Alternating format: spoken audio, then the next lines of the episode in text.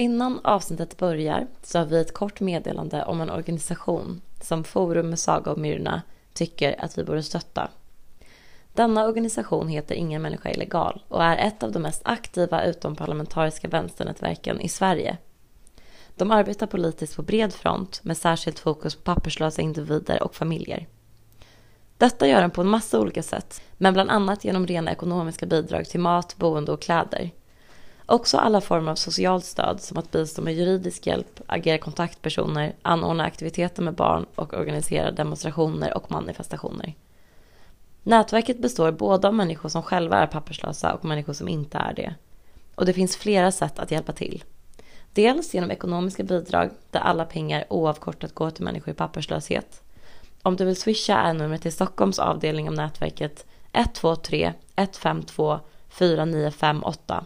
Numret står också i avsnittsbeskrivningen där även finns en länk till deras hemsida om du kan och vill bli månadsgivare. Alla bidrag gör skillnad. Men man kan också engagera sig i nätverket mer direkt. Det behövs alltid människor med flera olika typer av kompetenser. Intromöten hålls regelbundet. Om du vill ha information om dessa kan du följa deras Facebook eller Instagram. Sök då på Ingen människa illegal på respektive plattform. Och nu börjar avsnittet. Tack för att ni lyssnar och tack för att ni stöttar Ingen människa illegal. Ja,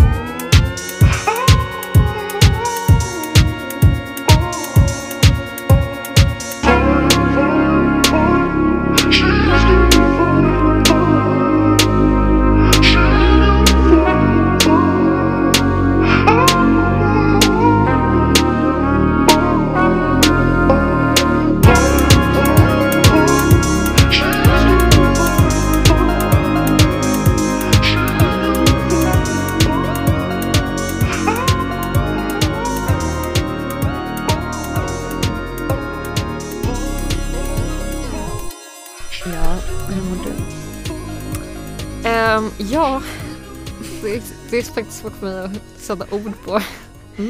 Vad Jag- kul att du börjar med, med den meningen. Det är svårt att sätta ord på. Ja. Jag tror att det kommer bli vad det här avsnittet handlar om. Ska handla om. ja, intressant. Jag vet, jag vet inte alls för att jag inte faktiskt förberett någonting för det här avsnittet. För att som även den absolut mest ouppmärksamma lyssnaren kanske har lagt märke till om man har lyssnat på den här podden ett tag så håller jag på att skriva en bok som jag ska ge ut. Mm. Och nu har mitt förlag också gått ut med Mhm. Jag såg det. Ja, vad den heter och vad den handlar om och så. Mm. Den heter Utge sig och den kommer i slutet av april förhoppningsvis. Mm. Det är helt otroligt. Ja, det är helt sjukt. Och jag kan säga att om man om man på något sätt gillar den här podden Mm. så kan jag ju nästan garantera att man kommer gilla min bok. Mm.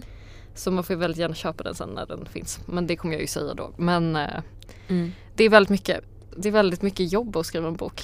Ja, det känns som att det har varit framförallt mycket jobb nu för dig den Ja. senaste tiden. Eh, mer än vad jag någonsin hade kunnat föreställa mig.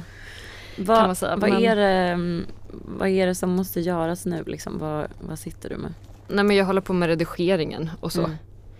Men det är, väldigt, det är väldigt jobbigt för det är lite så här, det är nu eller aldrig. Alltså det är Ja, så, om det det. inte blir helt perfekt nu Ja. så har jag ju ingen möjlighet att Nej. göra någonting åt det i ett senare skede liksom. Jag har en känsla av att du också skulle kunna ha svårt att hantera om det blev något fel sen när det väl var satt. Liksom.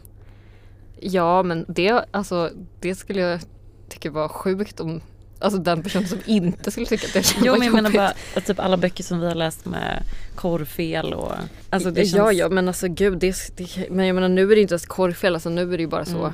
att jag ska skriva liksom Mm. klart den i princip.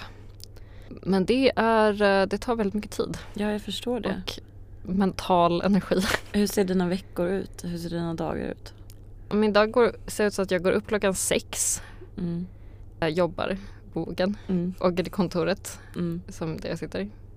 Jobbar på mitt andra jobb Mm.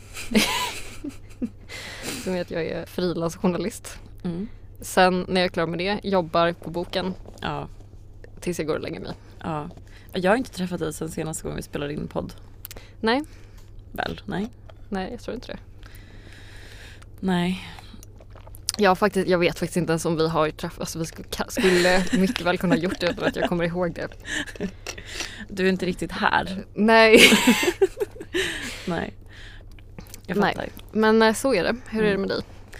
Bättre än vad det har varit. Mm. I alla fall.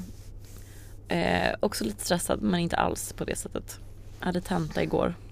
Ja, jag såg att du la upp på Instagram Mm. någonting om att du har ett att du var så, hur kan jag ha tenta hela tiden? Det känns som att jag har tenta alltså jämt och ständigt verkligen. Men så är det ju väl när man pluggar. Det är det som är mitt minne av att plugga också. Ja, jag vet. Men det är ändå så. Alltså jag känner att jag har tenta mer ofta än tiden går fort. Om du Ja. fattar vad jag menar. Alltså jag har ju liksom jag, jag har ju tenta bara var fjärde, var femte vecka. Ja. Egentligen. Det är inte så ofta. Men det känns som att jag har tenta. Tentorna kommer liksom snabbare efter varandra än vad det känns som att fem veckor passerar. ja men jag förstår. Alltså, Ja. Men det är väl för att det hela tiden är så här okej nu är den här tentan klar. Nu måste jag direkt börja tänka på nästa, Nästa tenta. tenta. Ja verkligen. Det är sant. Alltså att man hela tiden är på något sätt i framtiden. Ja, verkligen. Så är det nog. Ja. Men jag var, jag varit i Skåne. Det var skönt. Just det, jag såg det. Det var nog bra för min ångest. Eller vad det nu är. jag har känt sen nyår. Mm. Men så jag, ja, jag, vet inte, jag känner mig lite mer stabil nu. Men det är sjukt att man inte riktigt fattar hur instabil man har känt sig förrän man börjar känna sig lite mer stabil. Nej det, det är ju alltid svårt. Ja. Att allt är ju relativt. Mm, Som jag brukar säga. verkligen.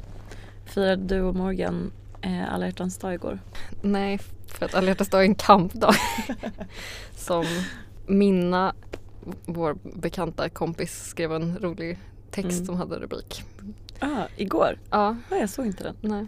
Det låter jättekul. Men eh, det var faktiskt inte därför utan det är för att vi har årsdag om två veckor. Mm, det. Så det blir liksom lite, Mm. alltså det känns lite Kaka löjligt. Ja, Mm, det. alltså det känns ju fel att liksom fira på den här mer allmänna pardagen Mm. när vår egna pardag och sen så fyller ju Morgan år emellan så det blir ju liksom, Ja, just det. det blir lite för, Det mycket. blir för Alltså vi mycket, kan ja. också inte gå ut och äta så Nej, tre gånger. tre veckor i rad. Rimligt. Som en så speciell grej, alltså då slutar Ja. det ju vara speciellt. Just det. Sådär. Ja. Sant. Så Ja. nej, gjorde du det? Nej, inte riktigt.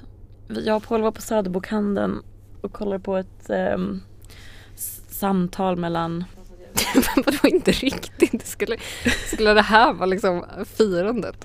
Att Ja, men- var och kollade på ett samtal på Söderbakanten?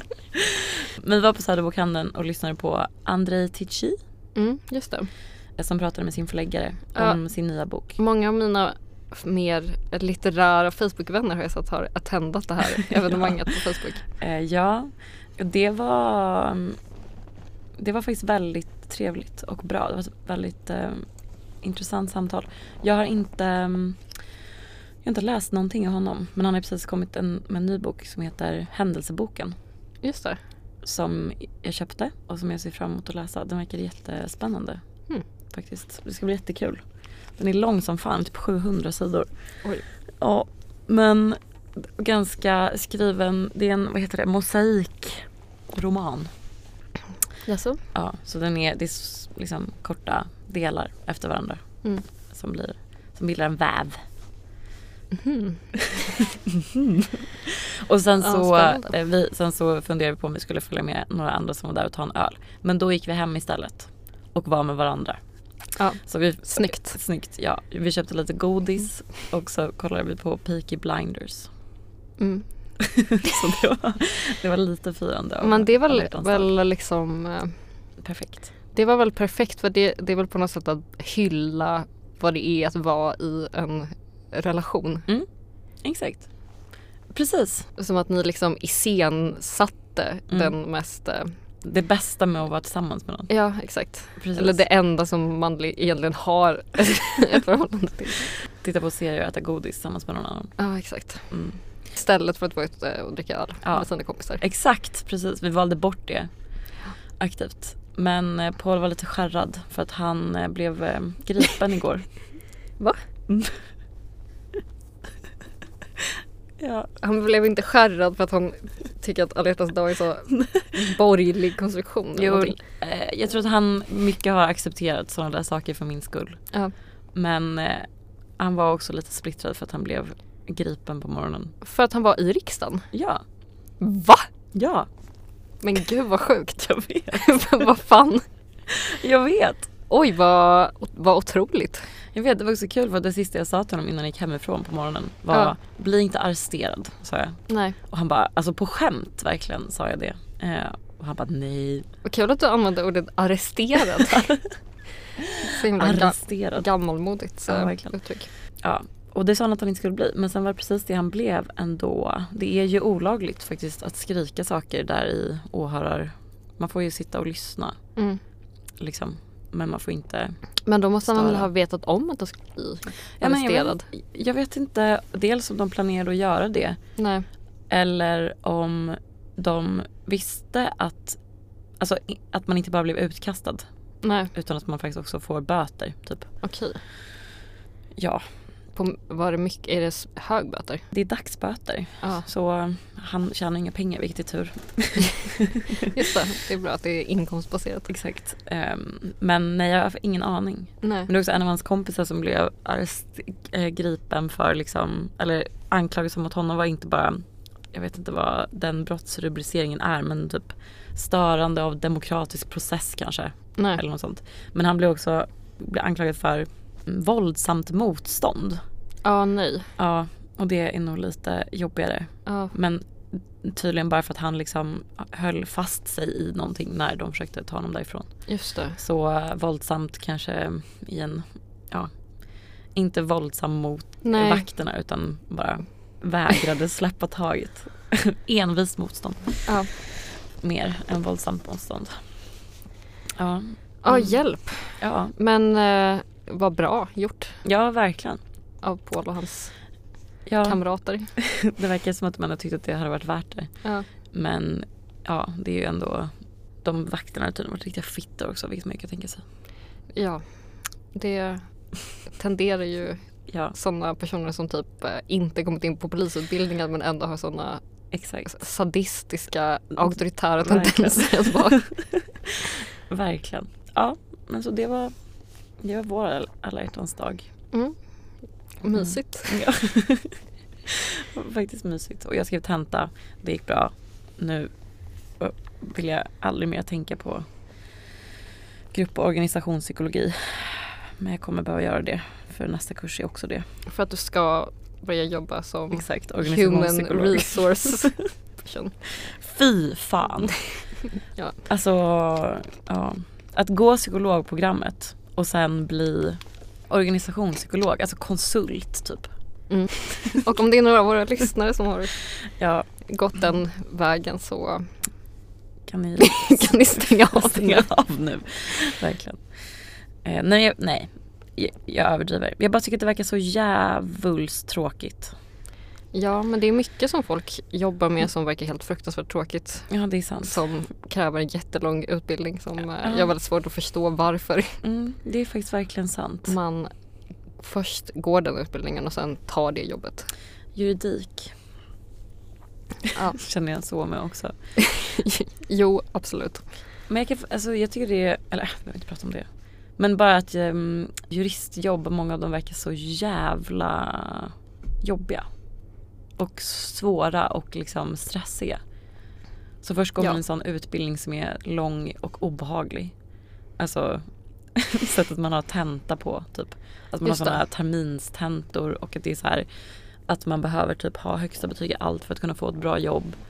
Och att de börjar så här eh, firmbyråer, vad fan det heter, börjar liksom rekrytera redan på utbildningen. Mm. Så himla hierarkiskt typ. Och sen så, bara, och sen så fortsätter man liksom att få betyg även på arbetsplatsen. Mm. Och det är så förväntas av en att man ska jobba 15 timmar om dygnet. Mm. Ja, för fan. Pengar kanske. Ja, ja mest, mest det tror jag.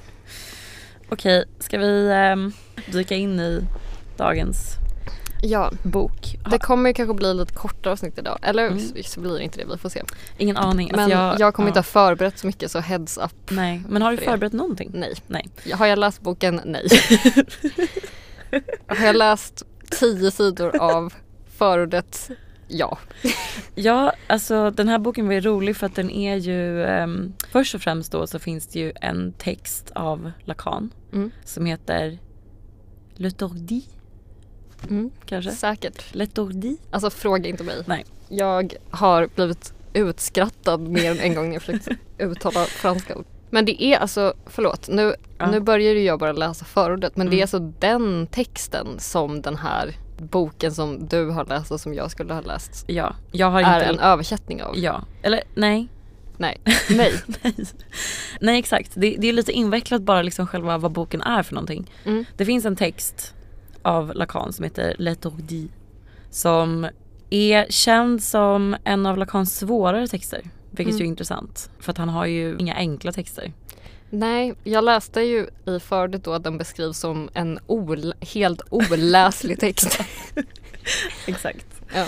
Och det finns två franska filosofer, eller en, den, heter- han heter Alain Badiou. Badieu. Kanske. Nej, alltså jag vet du vad? Jag trodde också att det var Badieu. Ja. Men tydligen så var det inte det utan det var typ Badiou. Badiou? Ja, skitsamma. Ja. Och Barbara Cassin Mm. då. En fransk filosof och en typ fransk log... Hon på med lo- logik. Typ. Ja. Så Mm. någon, alltså filosofi men mer åt det an, ett, ja, ett Ja. specifik inriktning. Klassicist. Där de då, de har läst Lacans Lethargie Mm. och liksom riffar på den lite. Eller liksom tolkar den eller skriver egna essäer typ utifrån den boken. Mm. Det är då den här boken som du inte har läst Mm. och som jag har läst halva av. Mm. Som heter There is no such thing as a sexual relationship. Mm. Men det finns ju ett förord i boken Mm. som är en ganska stor del av boken. Mm. Som mer handlar om vad Lacans Lethargie handlar om. Mm. Jag Ja. förstår. Så först är det som att man får av en annan person som heter Kenneth Reinhardt, ingen aning om vem han är. Nej. Får man en beskrivning av Lacans Lethargie Ja. Och sen så kommer då först Barbara Cassins liksom riffande på den här texten och sen kommer Alain Badios Mm. eh, riffande på den här texten. Jag hann inte läsa någonting om vad Alain Ba- Badiou har att säga om texten, bara lite av vad Barbara Cassin har att säga. Ja. Alltså det här, alltså den här boken har varit något av det jobbigaste jag har hållit på med Jag förstår. otroligt länge. Men får jag fråga, Ja. eller det jag, tänkte, det jag skulle säga var att så långt som jag kom i förordet Mm. så beskrevs det ju också att den här Lethargie är också omöjligt att översätta. Ja exakt, precis. Alltså det är några som har försökt. försökt översätta den. Den är ju då på franska. Vi kanske ska Ja. säga också att Jacques Lacan Mm. är en fransk typ filosof och psykoanalytiker. Ja, ja, Ja. precis. Som var aktiv typ i mitten av 1900-talet. Ja. Och har varit väldigt inflytelserik för massa andra Mm. filosofer men Ja. är också känd för att vara i princip obegriplig. Ja exakt, precis. Framförallt har han varit väldigt inflytelserik för Slavoj Zizek. Mm, Alltså Slavoj mm. Zizek är ju lakanian liksom Mm, mm. i grunden. Men eh, vad heter det? Nej men för att den är på franska då och bara består av olika typ så här ordvitsar och Ja, språkliga liksom dubbeltydningar och sånt som, Som är omöjliga att inte går att översätta. Ja. Till exempel typ titeln. Verkar inte ens gå att översätta. Kan typ inte ens vara, alltså, Nej. vara någon sorts liksom fransk ordvits Nej, som exakt, eh, exakt. inte går att översätta. Precis. I boken står det att eh, etordi means something like scatterbrain or absent-minded. Ja. Men att någon annan som har översatt en pjäs som också har det namnet har översatt det till the bungler. Ja. Som betyder typ någon som är klumpig och inkompetent. Ja. Så det, alltså, men ja.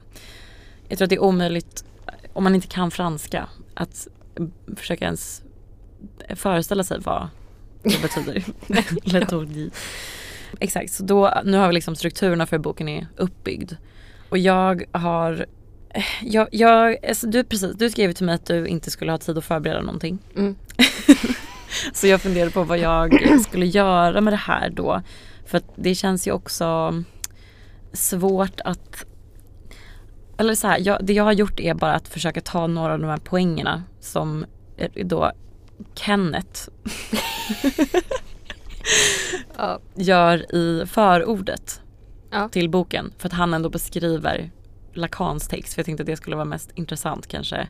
Snarare än liksom hur de andra filosoferna tolkar texten eller vad de har att säga om den. Ja, men vad bra för det har jag ändå läst lite om. Ja, exakt. Precis, för att den eh, förordet som sagt var då handlar ju ändå om vad Letordi handlar om. På något sätt. Men det var det jag kände att till och med den var så en jävla jobbig text att ta sig igenom. Ja. Och jag har verkligen alltså, ja men haft problem med att, med att penetrera den. Eller liksom att, Men för det jag undrar är, alltså, du var ju lite intresserad av att vi skulle läsa då någon liksom sån psykoanalytiker, alltså utifrån din utbildning. ja, ja. Men känner du att det här var liksom på något sätt gick att relatera till någonting som du har pluggat? Ja men lite faktiskt. Alltså det står ju, alltså det är också, jag ska säga det, alltså bara i det här förordet, alltså den här Letordi-texten verkar vara typ 50 sidor lång, alltså den är inte lång. Nej, den är jättekort. Men det har gjorts liksom, alltså det, det beskrivs i boken att så här, vissa professorer liksom ägnar hela terminer åt den här boken med sina elever. Ja. Och typ att det finns verk på så över 500 sidor som försöker liksom analysera och beskriva det här Ja. verket. Ja. Och det märks också, alltså bara i det här förordet, det finns hur mycket som helst man skulle kunna prata om. Verkligen. Alltså, och det står också saker som är relevanta för typ den psykoanalytiska praktiken. Mm. Men jag tror inte att jag kommer hamna där. Utan mer ta fasta på det som titeln på den här boken ändå är som är There's no such thing as a sexual relationship. Vilket ju var varför vi ville läsa den. För att Mm. det kändes spännande. Okej. Så den här meningen There's no such thing as a sexual relationship. Den förekommer i Lacans text Letordi. Mm. Och ska då som man kanske kan tänka sig inte förstås som att människor liksom inte har sex. Utan snarare som det står the lack, absence or impossibility of a sexual relationship. Och varför är det så då? Ja. För att den här texten handlar ju, jag skulle säga att den handlar, eller det som, jo men den handlar om språk liksom. Och på vilka sätt språket typ eh, brister eller är liksom otillräckligt i förhållande till den genuina upplevelsen av verkligheten. Mm. Och eh, i förhållande till då den här sexuella relationen eller man ska säga så står det så här, jag ska läsa lite och sen så kommer jag förklara, eller försöka förklara. Both men and women are castrated according to Lacan, that is alienated from their bodies by language, which gives them access to a larger symbolic order at the expense of any direct unmediated experience of bodily joysons. To enter into subjectivity as a speaking being is to be deprived of the full corporality of animal existence, whether or not there was ever such a thing. Men jag tänker också typ, alltså redan här är det ju också att det är väldigt mycket sådana psykoanalytiska typ begrepp Ja, som man kanske inte har jättebra Nej. koll på. Eller precis. ganska många kanske som lyssnar inte har det till Exakt. exempel. Precis. Eller man måste ju ha en hel bakgrundsförståelse exakt. av precis. kastra, ka- vad heter det? Kastrering, Kastrerings och exakt. eh, ja, Eh, visons Ja, exakt. Precis. Precis, jag ska försöka beskriva lite då.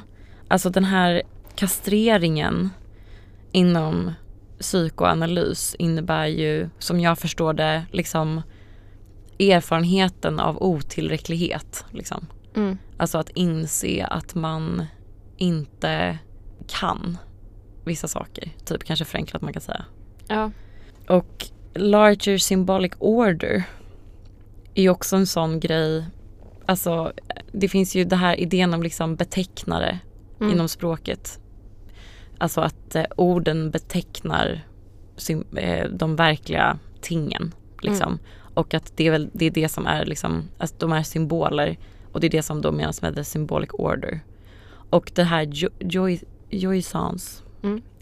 Jag vet inte riktigt hur det översätts men någon sorts njutning. Men det är väl liksom den alltså, högsta behovstillfredsställelsen på något sätt. Ja. Eller så här, den ultimata extasen. Ja, Det är väldigt kul att Slavoj Zizek har beskrivit så här att han tycker typ att människor som håller på med droger ägnar sig åt autistisk jouissance. ja Vilket jag tycker är en väldigt bra beskrivning. verkligen. Alltså det är, man, det är någon typ av så övertydlig eller Ja, så här alldeles för bokstavlig Ja, eh, just det. Just behovstillfredsställelse. Ja, vad intressant. Ja. Och så står det också det här speaking being. Vilket är kul för det är skrivet som ett ord. Mm.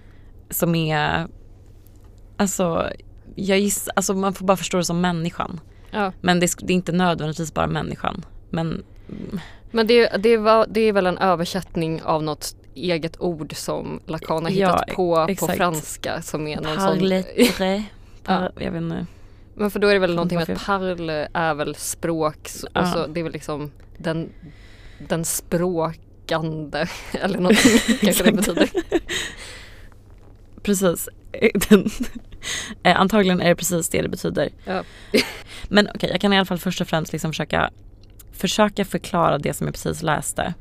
Utifrån att vi nu har etablerat någon sorts förståelse för de här begreppen. Men det är väl också Alltså för så här långt har jag ändå typ kommit. Ja, Och nice. det är ju ändå någonting, alltså det här med, det behöver vi kanske inte gå in på om du inte ska prata om det, men det är ju också någonting med det här, alltså det här med kastrationen har ju också någonting att göra med fallosen. Mm. Och att fallosen är en liksom fetisch. ja. Och det här är ju någonting som Ja. Freud höll på väldigt mycket Exakt, precis. med, som är väldigt Ja, som jag har försökt förstå och Mm. som jag tycker är väldigt svårt att förstå hur det typ hänger ihop och ja. precis. Exakt det är det jag tänkte försöka beskriva. Alltså jag tänkte ändå försöka förklara vad det verkar som att Lacan menar med there's no such thing as a sexual relationship. liksom. utifrån den här tolkningen av en tolkning. Exakt, verkligen. Vilket passar sig väldigt bra för att det känns som att det är så han ser på språket Mm. generellt. Alltså också ord bara. Ja. Okej, men vi kommer nog mer till det.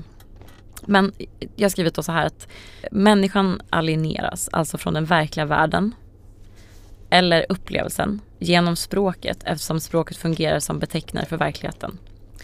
Men de, dessa betecknare då, alltså språket kan aldrig vara eh, fullständiga. Och Joyce då, det här som vi beskrev innan. Mm. Jag kan inte uttala det på ett bättre sätt. Wissons. Wissons. Wissons. Kanske. Är priset som vi betalar för att ha ett språk. Alltså vi offrar det, till, tillbaka får vi språket. Eftersom vi genom språket förlorar den direkta erfarenheten av verkligheten. Och jag har också skrivit att liksom språket fungerar, alltså det blir som, alltså i varje, i varje steg någonting liksom översätts med det så försvinner ju en del av innebörden. Mm. Alltså som viskningsleken, typ. Mm. Lacan menar, verkar mena då att det finns liksom två olika typer av castration. Två sätt på vilka språk gestaltar ett subjekt och ger det någon sorts tillgång till överbliven njutning. Alltså det här är ju väldigt mycket bara direktöversättningar för att jag, jag kan inte översätta det här men liksom att eh, jag går vidare. Men att dessa två typer av kastrering representerar liksom en manlig och en kvinnlig sorts kastrering. Och att de här inte kompletterar varandra eller är ömsesidiga på något sätt utan istället är asymmetriska och ojämförbara. Och det är det som gör att ingen direkt relation mellan dem är möjlig. Och Lacan, eh, eh, dock ska sägas att Lacan inte menar liksom manlig och kvinnlig på ett autistiskt sätt då utan mer som representationer.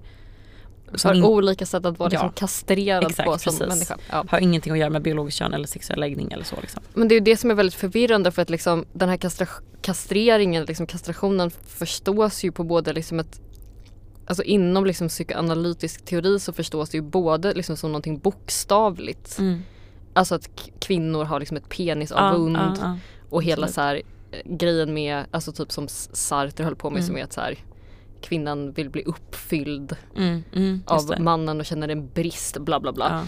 Men sen så förstås det ju också på liksom någon mer symbolisk, alltså eh, liksom abstrakt Ja. nivå som att mer har att göra med någonting som är liksom existentiellt, Mm. alltså som inte har någonting att göra med kön Nej då i, i en nej. biologisk mening liksom. Nej exakt precis. Det, alltså, det sexuella är ju som grunden i mycket psykoanalys. Mm. Och jag tror att det finns en anledning till det även fast den anledningen kanske inte är helt självklar för en. Men att även, alltså att också den här, den faktiska kastreringen, alltså typ att, att sakna penis. Mm. är- Är också, fungerar också som liksom symbol för den mer existentiella kastreringen. Alltså Ja. att inse sina begränsningar typ. Liksom. Men att då också män ju upplever en kastrering. Mm. För att eh, icke-existensen av en sexuell relation kan förstås som att män relaterar först och främst till kvinnor som objekt snarare än subjekt. På sättet att den sexuella relationen med kvinnan är en fantasi. Först Mm. och främst. Och kvinnor relaterar till män som bearers of the phallus. Mm. Alltså bärare av fallusen. Alltså jag vet det är heller inget bra, en bra översättning. Stånd- Penisbärare. Som Ja. vi säger Woke. idag. Men, eh, Men ja. liksom fall och symbol, alltså det är också så här, Mm. då måste man gå tillbaka till liksom hela den Freuds idé om liksom fetischen och totemet i så här en, en liksom ursprunglig mänsklighet som är Ja. att man liksom fetischiserar en fallosymbol som Mm. en symbol för liksom urdriften till liv eller Mm. den livsdriften typ. Alltså det är ju det som är liksom drift. Ja. Om jag, alltså det här är Ja. ju väldigt förenklad och säkert helt missförstådd beskrivning av den här ja, psykoanalytiska bakgrunden. Men, Men om får- det är en freudian ja. som lyssnar på det här så hör inte av dig.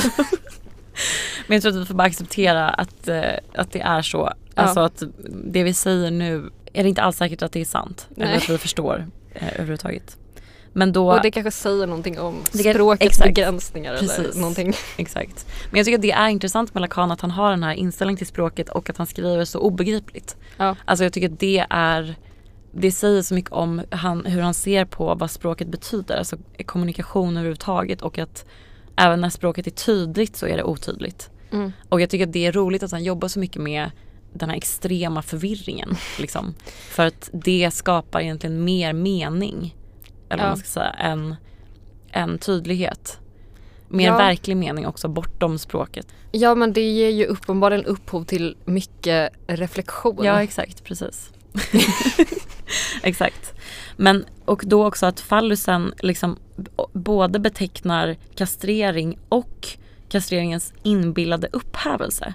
Och det var som att, alltså ni vet när man läser någonting och så kan man vara som att man så här, man typ förstår det. Alltså Ja. man kan känna så en känsla av att man förstår vad det betyder. Men det finns absolut inget sätt för en att beskriva vad man tror att det betyder.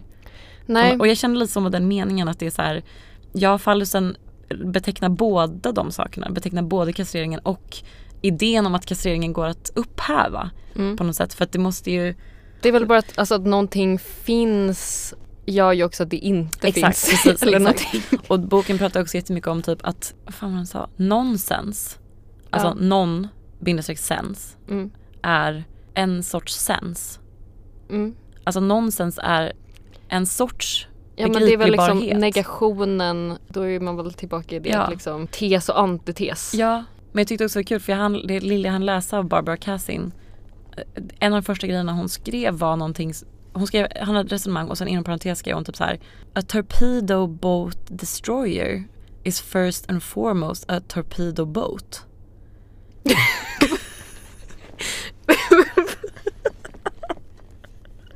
Va?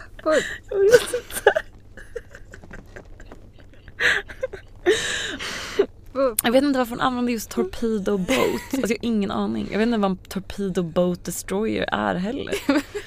Torpedbåt?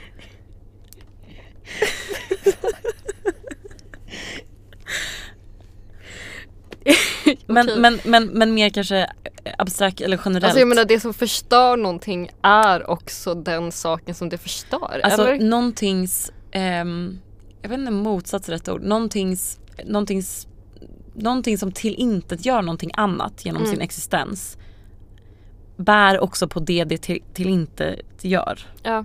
Får man väl förstå det som. ja men det är väl, Är en sorts, är en annan sort av det det tillintetgör. ja, men det är väl liksom tes och antites Ja, eller den ja. negationen. Alltså Ja. någonting som negerar sig själv. Ja, sens och nonsens. Ja. Ja. och så vidare. Okej, vi går vidare. Jag Ehm, tycker det går väldigt bra. Okej, bra. Precis. Bears of the phallus. Alltså, ja precis, som är en betecknare för både kastrering och kastreringens inbillade upphävelse. Och på detta sätt då så blir en sexuell relation en icke-relation eftersom män och kvinnor kommunicerar med varandra genom the cloak of fantasy. Och båda från olika punkter av denna fantasi kommunicerar alltså från olika punkter av denna fantasi som också blir från vilken den andra kommunicerar med den andra. Alltså kvinnan kommunicerar med mannen utifrån sin punkt i fantasin men också utifrån hennes idé om hans punkt i fantasin. Mhm. Så att Mm. när man kommunicerar med någon så gör man det från en punkt i fantasin men också utifrån hur man förstår var den andra befinner sig i fantasin. Mm. Eh, och ja, ingen av dem pratar med den andra som ett subjekt. Vilken, vilket innebär att det inte kan finnas en intersubjektiv relation mellan dem. Och Lacan menar att denna, liksom, att det här är en fundamental plats för båda könen i den symboliska ordningen som kastrerade. Och det är för att skydda dem från the trauma of the real. Mm. Ja, jag kommer tillbaka till the real. Men för det stod också sen i boken och det här kändes som ett mycket enklare sätt att förstå den här texten på There's no such thing as a sexual relationship eller den meningen. Är att den sexuella relationen mellan män och kvinnor, Mm. inom citationstecken, inte kan bli nedskriven eller formaliserad inom ramarna för språket som vi känner till det. Det vill säga att det inte finns en adekvat representation i språket för vad den sexuella upplevelsen är. Nej. Och man, människan försöker förstå den sexuella upplevelsen genom ord men lyckas aldrig på grund av att människan är ett subject of language. Vilket gör att hon aldrig kan uppleva sexuell, liksom, en sexuell relation på ett direkt sätt. Nej. Nu kommer jag tillbaka till lite det jag sa innan. Lacan menar då att språket är människans bargain with the devil. För att få tillgång till den symboliska ordningen och de världar som språket tillgängliggör ger the speaking being upp alla chanser till att helt kunna tillgå då den här wissansen Mm. som istället existerar endast, endast som en försvagad och medierad form av fallusen. Perfekt. Det, jag känner typ att jag ändå, jag köper det här mer ändå. Eller det här, det här känns mer intuitivt bara att så här, den sexuella upplevelsen existerar inte i språket. Det finns ingen adekvat översättning.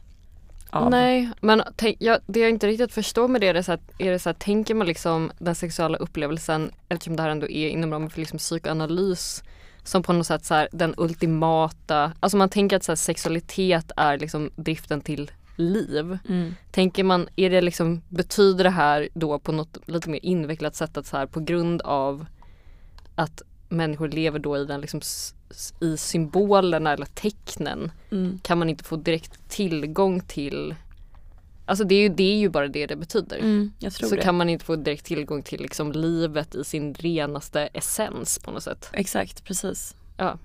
Vilket inte är så avancerat. Nej, det känns inte så svårt att förstå. Och, och det, jag tycker att det känns ganska intuitivt. Ja. Och jag tänkte komma tillbaka till det lite sen faktiskt. Och Mm. prata om det kanske mer ur bara bla bla bla. Men jag tänkte att vi, ska, vi tar oss igenom liksom det jag har försökt skriva ner i boken i alla fall Mm. först. Jag ska försöka röra mig lite snabbare kanske annars kommer det här ta för alltid. Men då det här the real som jag inte är helt säker på liksom hur det ska förstås. För att jag, vet du, jag orkar liksom inte gå in i varje Nej men the real, alltså the real känns helt omöjligt. Ja. Eller det känns väldigt svårt. Det Ja. känns lite liksom nästa nivå av Ja, verkligen. Någon annan gång kanske. Ja. Men eh, han menar alltså att verkligheten i sin väsentliga form liksom inte går, går inte att lita på liksom, och att den är öppen för alla olika sorters förvrängningar. Och inte bara på grund av, alltså nu pratar man alltså som psykoanalytiker då, på grund av vårt ego. Alltså det som, inte bara på grund av eh, vilka vi är, kan man väl väldigt enkelt översätta det som. Det är inte bara vårt ego då som ger oss en inbillad ordning av falsk likhet och samstämmighet. Utan också för att det vi tänker på som verkligt baseras på den fundamentala fantasi som skyddar oss från bristerna i den symboliska ordningen. Mhm. ja. Alltså det är sånt, det är sånt cirkelresonemang Ja. på ett sätt som gör att man blir helt snurrig. Alltså nu i förmiddags när jag satt med den här texten så bara kände jag efter typ två timmar att jag var typ hungrig på ett sätt som jag typ aldrig har varit tidigare för det bara kändes som att jag tänkte Ja. på ett sätt som jag inte brukar tänka. Gudskelov. Det är utmattande. Ja det har jag märkt när jag har suttit och jobbat så Ja. väldigt länge att gud vad en, ens hjärna drar mycket energi Verkligen, när man sitter när och man tänker använder den. för fullt. Ja, verkligen. Men då, jag gissar att liksom den här, ja, vi, vi kanske kommer in på det lite mer, men på vilka sätt fantasin är konstruktiv också, eller gör någonting bra för oss. Men det, jag har skrivit så här, eller det står också i boken, detta innebär att om vi ska låta the real drabba oss kan vi inte göra det genom att blotta verkligheten som ett inbillat konstrukt. Utan vi gör, om vi ska, om vi ska låta the real drabba oss så måste vi göra det genom att möta den symboliska ordningens inkonsekvens eller som kretsar kring omöjligheten att formalisera den sexuella relationen. Ja, Ja, okej. just det. Mm. Mm. Men Lacan skriver att möjligheten till symbolisk inscription, alltså till skrivandet själv, är beroende av omöjligheten att formalisera den sexuella relationen. Allting som skrivs härstammar från faktumet att det för alltid kommer att vara omöjligt att skriva fram den sexuella relationen, menar han då. Ja. It is on this, that basis that there is a certain effect of discourse, which is called writing. Every discourse, from that of the master to those of the university, the hysteric and the an- analyst, is inscribed in mathemes that hold without filling the empty place of the sexual relationship. Just det, det är också det här att han, han tycker att det finns fyra olika sorters diskurser. Det är det här den analytiska, Ja. universitetet Ja, och vilka var de andra två? the Hyste- hysteric den hysteriska Och- diskursen och, och någon till som jag inte minns. det, de tog upp det precis i början, inte komma, in- alltså komma in på det men Lacan verkar då ha någon sorts teori om att det finns fyra olika diskurser som Ja, är då den de, hysteriska analytiska universitetsdiskursen och en till. Precis, men jag tolkar det här som att eftersom att den sexuella relationen är så komplex och inte kan fångas eller definieras av språket så skapas det liksom som ett glapp eller ett hålrum Mm. i någonting. Mm. på någon plats. Jag vet inte exakt var. Men det är i detta hålrum som språket liksom verkar och utvecklas. Mm. Alltså eftersom vi inte kan artikulera den sexuella relationen finns det rum för språk och diskurs att utvecklas runt det. Mm. Och hålrummet möjliggör olika perspektiv, tolkningar och diskussioner och det är i detta rum av osäkerhet och tvetydighet som skrivandet hittar sitt syfte eller pratandet överhuvudtaget eller liksom språket. Typ. Mm. Och det är då just på grund av språkets begränsningar som språket får sin mening. Man pratar helt enkelt runt Ja, den sexuella precis. relationen. Och det är väl Och det är det som blir språket. Precis, det verkar vara som att grunden för honom är att den sexuella relationen går inte att formulera. Det gör att vi pratar mer Mm. om allt möjligt. Här och nu till exempel. Ja. Men precis, och det var väl det vi sa lite innan om hans texter generellt. Ja. Alltså att det gör ju att man pratar, alltså det man inte förstår eller det man känner att man inte kan uttrycka liksom påkallar ju ändå rörelse. Eh, Ja, men det verkar ju vara någonting, han verkar ju vara väldigt fäst vid det här kring på något sätt att bristen möjliggör någontings Mm, existens. verkligen. Alltså det är där, där någonting inte finns Mm, så finns någonting. ja. Den konstiga Ja, idén. Men som också känns intuitivt sann typ. Ja, den har ju verkligen något. Exakt och det är just då spänningen mellan den sexuella relationens outsägliga natur och människans försök att ändå uttrycka den genom språket som driver på verkligheten. Men jag kan tänka att det är lite som den här klichébilden att liksom 99% av all materia i universum är typ så här ingenting. ja. ja. Alltså att det är så här utrymmet mellan typ kvarkar eller vad det ja, är. just det. Där just det liksom det, inte exakt. finns någonting. Ja. Det är det som Allt allt består av. Ja. Men boken, jag vet inte om du hann komma så långt men eh, både förordet och sen också Barbara Cassin tar upp liksom Aristoteles och sofisterna också. Mm, just det. Eftersom att eller just deras syn på språk i alla fall liksom. Och Barbara Cassin vill i alla fall liksom placera Lacan med sofisterna mer än Aristoteles. Mm. Och för att Aristoteles menade typ, om jag förstår det rätt, att liksom det inte finns några språkliga motsättningar. Barbara Cassin skriver det som att Aristoteles menar, jag vet inte om det här är ett citat från Aristoteles eller bara liksom eh, Barbara Cassins tolkning av honom, att there is no such thing as a contradiction. Nej men det är ju liksom alltså den aristoteliska logiken. Ja, exakt. Som är så här, alltså att man kan göra sådana typ påståenden som är så här, det som inte är det här är det här. Ja, eller det som inte, någonting kan inte vara det här samtidigt som det är Någonting annat. Eller, eller i alla fall, det kan in, någonting kan inte vara någonting som också, också, också samtidigt vara sin egen motsats väl? Ja, nej precis. Men det är liksom, ja men typ så här, att, att ha blont hår är att inte ha brunt hår. Typ en sån, Ja, ja, bara en sån sak är typ Mm. den logiken ungefär. Alltså på ett Ja, ja. extremt, extremt, extremt förenklat sätt. Och han menade också att det som skiljer liksom människan från andra djur är att vi använder ord på samma sätt med samma intentioner. Alltså på ett meningsfullt sätt. Att tala per definition är att make sense i meningen att man menar någonting snarare än att man menar någonting annat. Mm. Och att det man säger måste mena samma sak för den andra personen. Mm. Medan då sofisterna beskrev språket som både ett gift eller ett botemedel eller båda två samtidigt. Och att det verkar som att det är den här synen på språket som Lacan också har. Framförallt då i förhållande till det undermedvetna. Alltså kanske då framförallt som psykoanalytiker. Liksom i det att det stod i boken We speak, misspeak and unspeak in the same breath. Mm. Mm. Och att både sofisten och Lacan då menar att språket är mer och mindre än det som Aristoteles beskrev att det var. Och Lacan menar då att fallusen, som betecknar för kastrering och det tillstånd som ett subjekt befinner sig i överhuvudtaget involverar alltid njutning. Ja. Men att vara ett subjekt som representeras av en idiosynkratisk och skräckslagen betecknare för resten av den symboliska ordningen. Men vad, vad är den, vad är den beteck... Vänta, vad sa du nu? Okej, vänta jag ska försöka ta mig igenom den här meningen. Okej, jag har skrivit exakt så här. Lacan menar att fallusen, som betecknare för kastrering och det tillstånd ett subjekt befinner sig överhuvudtaget, Mm. alltid involverar njutning. Att vara ett subjekt som representeras av en idiosynkratisk och skräckslagen betecknare för resten av den symboliska ordningen är att njuta av språket lika mycket som det är att lida av de kastrerade effekter som språket har. Ja. Ja, men bara att bristerna med språket är, är, är både att njuta och att lida. Mm. Men det stod, jag tyckte om ett litet stycke som kom sen som var ett citat av Novalis. Mm. Och då står det så här.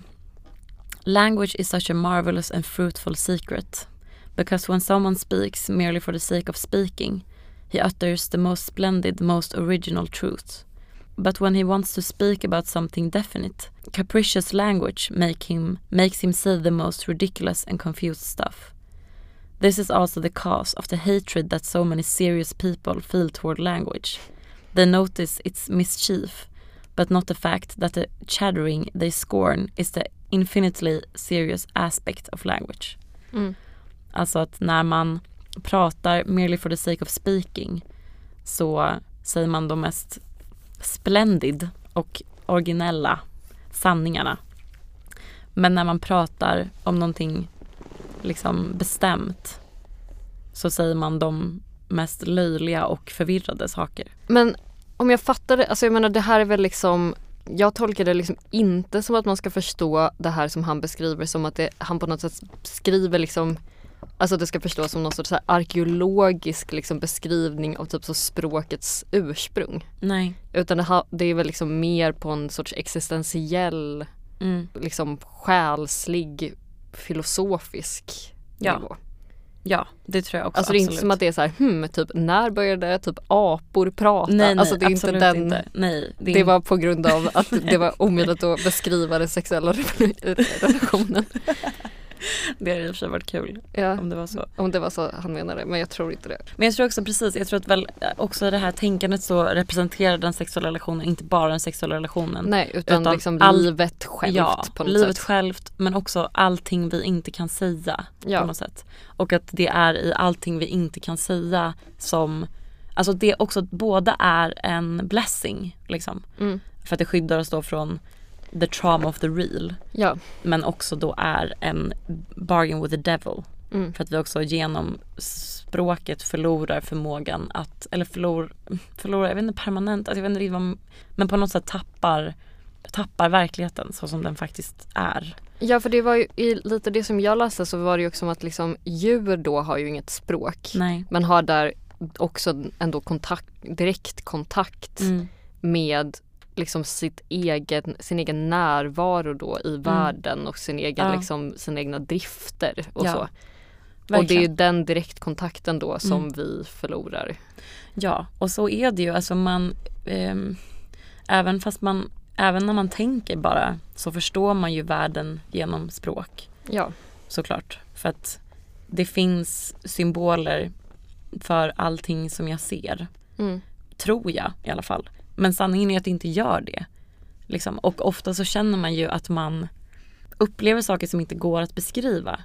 Och i den bild, idén man har av att saker ska gå att beskriva så förstörs ju också någonting med upplevelsen. Ja, men jag tänker också att det, det har väl också någon sorts koppling till hans, eller liksom inom psykoanalysen så är det väl det här att, jag menar, där är det väl liksom mycket om att man genom att prata ska försöka avslöja någonting genom vad man inte säger Ja, och sådär. exakt. Alltså det är så här, det man, det man själv är medveten om och kan Precis. verbalisera spelar ingen roll. spelar typ. ingen roll utan Ja. det är vad som är, liksom, ligger bakom eller Mm. under det som är dolt som inte märks i så här, det medvetna tänkandet och Mm, språket mm. som är det centrala typ. Mm. Verkligen. Alltså det är väl också lite mot bakgrund av det som man ska Mm. förstå hela hans resonemang kanske. Ja men jag, jag, det är så jag förstår det också Ja. i alla fall. Eh, någonstans där. Alltså jag menar det är så alltså, att en felsägning liksom Mm. avslöjar någonting Exakt, som precis. man inte skulle kunna uttala på ett medvetet sätt. Alltså, Ja. och sådär. Och det var egentligen det som jag hade skrivit ihop om då inledningen till Mm. den här boken. Jag tyckte också att en grej som jag tyckte var väldigt kul som var bara, eh, som tog upp som liksom exempel på att det finns motsägelser i språket eller på vilka sätt språket kan vara, ja men motsägelser kanske. Som var, det- stod om the liar's paradox. Som var då, det stod så här. That of the Cretan who is reproached for saying he is going to Krakow so that it will be thought he is going to Lemberg when he is really going to Krakow. Mm. Alltså det vill säga en lögnare som säger att han ska till Krakow Mm. men han vet att folk kommer att tro att han ljuger. Mm. Så att de kommer tro att han ska gå, åka någon annanstans. Ja. Men han ska faktiskt åka till Krakow. Kra- Krakow. Krakow. Krakow. Ja. Och vad gör man med det? Typ, alltså vad, vad blir språket i en sån situation? Alltså vad, eller vad blir, att, ja men typ att det är, att det finns motsägelser och att även fast han, han säger sanningen Mm. och han vet att han säger sanningen, eller Mm. liksom han, han, han har för intention att faktiskt göra det han säger, så är det ändå en lögn. Mm. För att han är en lögnare och han har, det är på den grund som han talar sanning. Ja. ja men där är det väl också att så genom att inte säga någonting så säger man någonting. Ja, Eller det man, man säger det man inte säger. Ja, Ja, jag tycker det är kul. Alltså, nu kan ju jag inte franska uppenbarligen. Men ett exempel på en sån typ ordvits som jag skulle gissa att han håller på ganska mycket med i den här texten eller vad det verkar som att han Mm. gör. Som känns som att det typ är ganska vanligt förekommande i franskan. mm. Är den här låten med Serge Gainsbourg och Jane Birkin som han också spelat in med Brigitte Bardot. Som Ja. är den här Je t'aime moi non plus. ja. Alltså som är den som bara är Je t'aime, je t'aime. ja. Ja, som bara är någon sorts sexlåt liksom. Ja. Men om jag förstått saken rätt så är det liksom titeln på den låten eller vad den heter. Det, går, det är typ ganska svårt att översätta men det går typ att översätta till Jag älskar dig, inte jag heller. ja, Ja. exakt. Alltså det är mycket den Ja, precis. stämningen. Ja, i boken ja. Ja. Okej, men för att det som jag tänkte på med det här, alltså med språket bara var att jag, alltså generellt, eller bara intuitivt känner att det här är så himla sant. Mm. Liksom det här om språken då, att språket är en begränsning snarare än någonting annat. Typ. Mm. För mig också mer än någonting annat en källa till missförstånd. Mm. En kommunikation typ. Och I och för sig kan man ju förstå missförstånd som en typ av kommunikation men som en typ av, snarare en typ av liksom sann kommunikation eller en sorts liksom Alltså det, det känner jag att jag, att jag så himla ofta liksom fastnar i, kanske framförallt typ så här i mer intensiva sociala situationer, kanske sådana man har mest med sin partner, typ under en konflikt Mm. eller någonting. Att man kan vara så här, jag, mitt språk räcker inte till för att beskriva vad jag känner i den här stunden. Och att man kan bli så, det kan vara en sån enorm källa till frustration man kan känna att bara jag önskar att det fanns ett annat sätt för mig att bara visa dig eller liksom att jag, att jag bara kunde överföra meningen exakt som den är. Mm. Alltså meningsfullheten exakt som den är till dig utan att någonting behövde gå förlorat i språket. Och att det ofta i sådana mer komplexa situationer blir så himla tydligt att, det, att språket inte räcker. Och jag tror att det också är det som gör att jag känner ofta att liksom sanningen eller att säga någonting sant ofta är liksom en sämre representation av verkligheten än vad det är att säga någonting falskt. Mm. Alltså säga en lögn. Alltså till exempel att säga typ till någon att jag har autism. Mm. Känner jag är, det är ju sant. Ja. ja, det är väl inte helt sant. Men det är ju sant i den mån att jag har blivit diagnostiserad med det. Alltså sant Jo, okej. på något sätt Ja. ändå liksom. Eller okej, om, om jag säger att jag blivit diagnostiserad med autism. I alla Mm. fall, så är det sant. Mm. Men det är inte sant. Nej, För att det, det någon annan tänker på när jag säger det är inte sanningen. nej. Det är inte en eh, verklig representation av vem jag är. Och jag känner att det är så, nu är det här kanske ett väldigt tydligt exempel, men jag känner att det är så väldigt, väldigt mycket bara i språket. Mm. Alltså att om man bara skulle gå runt och säga allt som var sant hela tiden, då skulle man bli otroligt missförstådd Mm. i förhållande till vad man verkligen menar. Mm. En grej som jag, alltså om vi ska gå tillbaka till liksom the sexual relationship, är Paul sa det en gång till mig och det fastnade verkligen hos mig. Han sa efter man haft sex är liksom enda gången man känner att båda två tänker på samma sak. Alltså enda gången man liksom känner att man förstår varandra. Tycker du det? Ja men kanske inte så hårdraget. Nej. Men jag tycker ändå att det finns någonting i det att det finns, som vi då konstaterat här ovan, liksom inget sätt att närma sig den sexuella relationen genom språket. Nej. Men jag tycker ändå att det finns någonting i den sexuella relationen som, alltså att man kommunicerar ju på ett sätt. Att man är med varandra på ett sätt och man, man gör någonting tillsammans som liksom s- säger saker Mm. utan att man säger saker. Mm. Och jag tror att det är i det som det efteråt kan kännas som att man förstår varandra. Typ. Mm. Eller att, bo, att man är liksom i den tystnaden efteråt kan det kännas som att man, ja men att, att man tänker på samma sak. Alltså att man är på samma plats typ rent mentalt. Mm. Och har du sett Poor Things? Nej. Jag har inte det. Okej.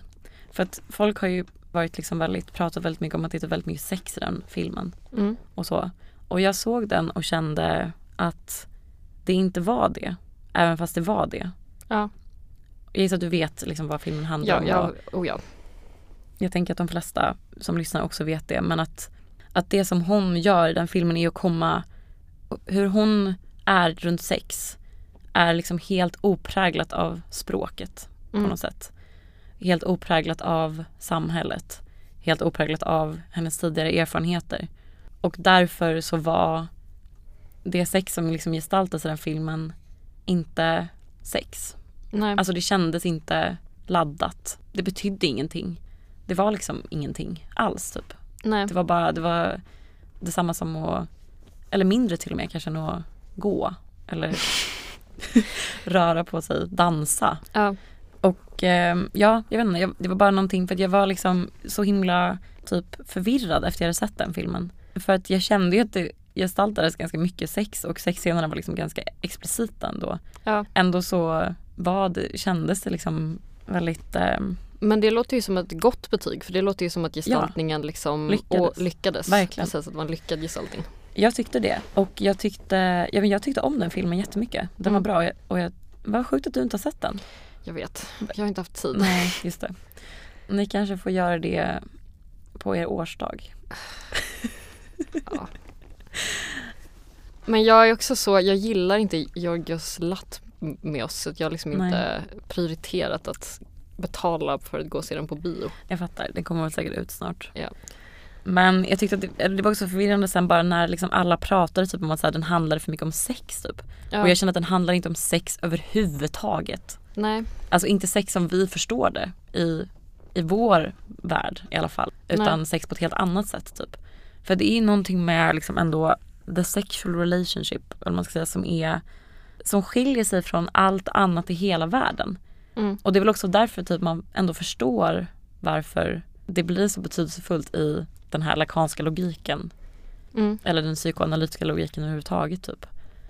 Men att det är helt obeskrivligt. Alltså det går, jag kan inte säga mer om det. än bara att det är För jag tycker också att, alltså, att folk är så, så här, att allting är sex typ, eller att sex säljer. Typ och så brukar man ju säga. Ja. Men, och det är inte heller sant. Att det är liksom Allting är det med sex som inte är sex. Mm. Eller vad man ska säga. Det, alltså Ja det kanske i och för sig är det som är sex då men liksom betydelsen runt det eller liksom anspelandet på det Mm. och typ så våra idéer om det, språket kring det och så vidare är någonting helt annat än själva upplevelsen i sig. Ja, alltså apropå det här, det här kanske är väldigt långsökt och kanske inte riktigt egentligen relaterat till det här, men jag vet att typ alltså Slavoj Zizek då har ju varit väldigt, eh, jag vet att han har pratat väldigt flera gånger om att det finns någon sån, någon så här känd händelse som har blivit typ en, jag, jag vet inte var den här händelsen är känd ifrån, men att det så här var då en manlig typ porrskådis som liksom inte kunde få stånd då när han skulle spela in Mm. en porrfilm. Och då började liksom titta på porr på sin telefon.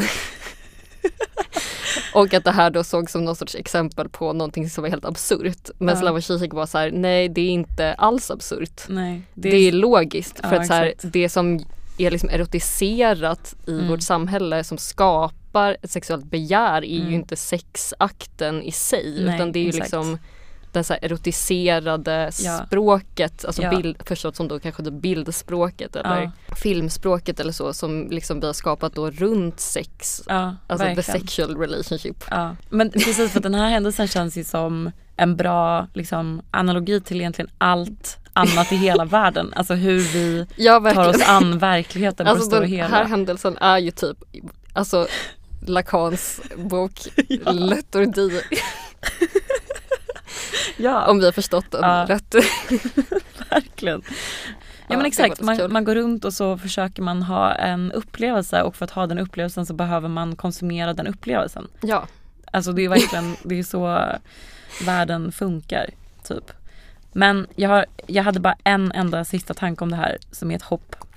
Men en annan grej som jag tänkte på när jag läste och när jag tänkte på språk och typ det som vi har pratat så mycket, liksom varför sociala medier är så begränsade när det kommer till att fånga hela den mänskliga upplevelsen. Mm. Är egentligen, har egentligen inte med sociala medier att göra i sig utan har att göra med att sociala medier är språkbaserade. Jag tänker att den enda gången man verkligen, alltså att uppleva en annan människa har egentligen ingenting med språket att göra. Typ, utan har att göra med allt det som är mellan språket och inte bara tystnader utan också typ så att typ vara med någon annan som skrattar eller Mm. ler eller jag vet inte, ser rädd ut. Alltså alla de sakerna som, som inte är språk. Det är ju när man inte pratar på något sätt. Och på sociala medier försvinner allt det. Mm. Det enda som finns kvar är språket. Mm. Och det är en så otroligt begränsande del av liksom människan. Mm. Ja, det var det. ja men jag tycker vi tog oss igenom det här galant. Ja men ändå för att vara för att vara första gången vi, eller i alla fall första gången för mig som jag verkligen försöker ta mig an någonting som Lacan att göra. Ja, jag har ju bara läst liksom en bok av Slavoj Zizek men Mm. där har han någon del som är att han skriver om Lacans idé om objekti petit a eller något. Ja, Alltså lilla objektet A. ja, ja, ja det förekommer i den här boken också. Ja, ja. Och jag bara, vad fan ska det här betyda? alltså det är bara så här, kanske en halv sida men jag liksom, alltså jag bara, vad är det? ja, Vad ska det här betyda? Men det är bara så här, det är någonting med det här som känns väldigt sant. sant och väldigt liksom korrekt och Ja. man förstår det men det är också så här, vad, vad är det här? Alltså Ja. vad, Men det är det vad, vad, vad, vad ska något av det här liksom betyda. betyda? Men det är det, jag, jag älskar det. Det är, det är en väldigt sjuk upplevelse. När man, alltså som jag sa i- början av avsnittet också, det är när man förstår någonting. Mm. Alltså man känner en känsla av resonans eller whatever det är liksom. Mm. Utan att kunna beskriva varför eller, eller återberätta eller någonting. Alltså på samma sätt när man Ibland kan man ju få tankar som eh, Alltså utan att läsa någonting annat, alltså utan att ta del av någon annans språk kan man ju bara, alltså när man ser någonting eller man bara sj- själv liksom i sitt huvud kommer fram till någonting. Mm. Alltså att man kan få en, man kan tänka någonting som är bortom språket typ.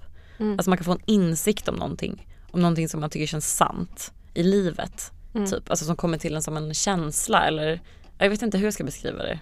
Jo men någon sorts nog. liksom förnimmelse. Ja exakt, alltså bara precis man förnimmer en idé om Mm. någonting liksom. Men som inte, det är inte som att det kommer så här.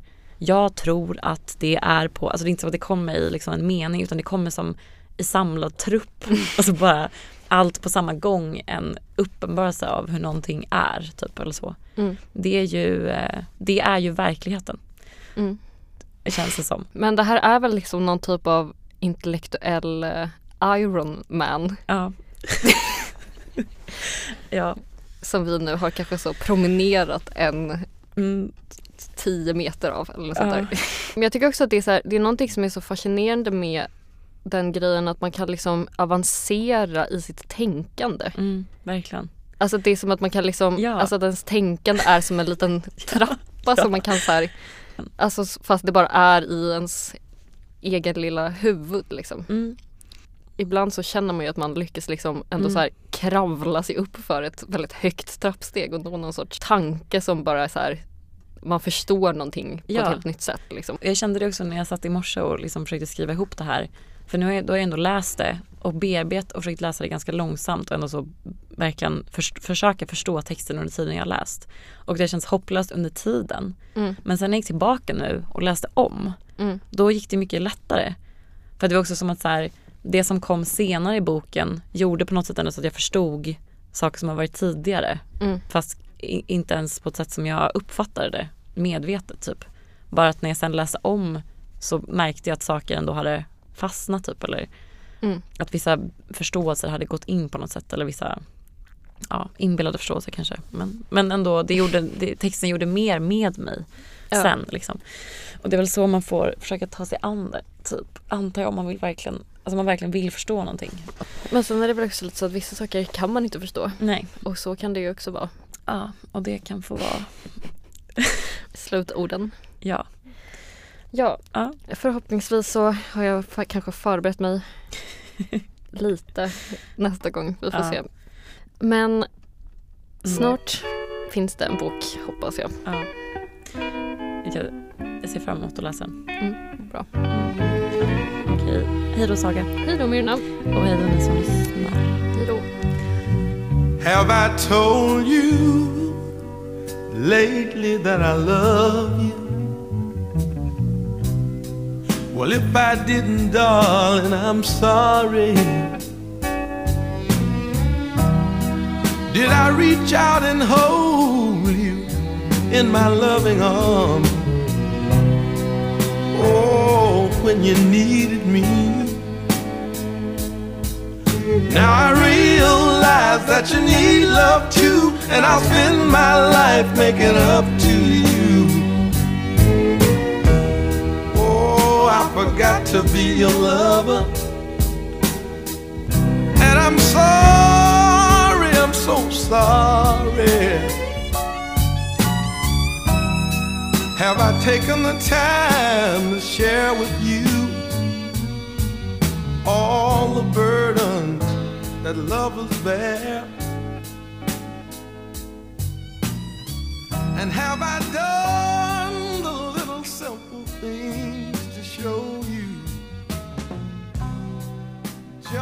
how much I care. Oh, I've been working for you, doing all I can, but work all the time.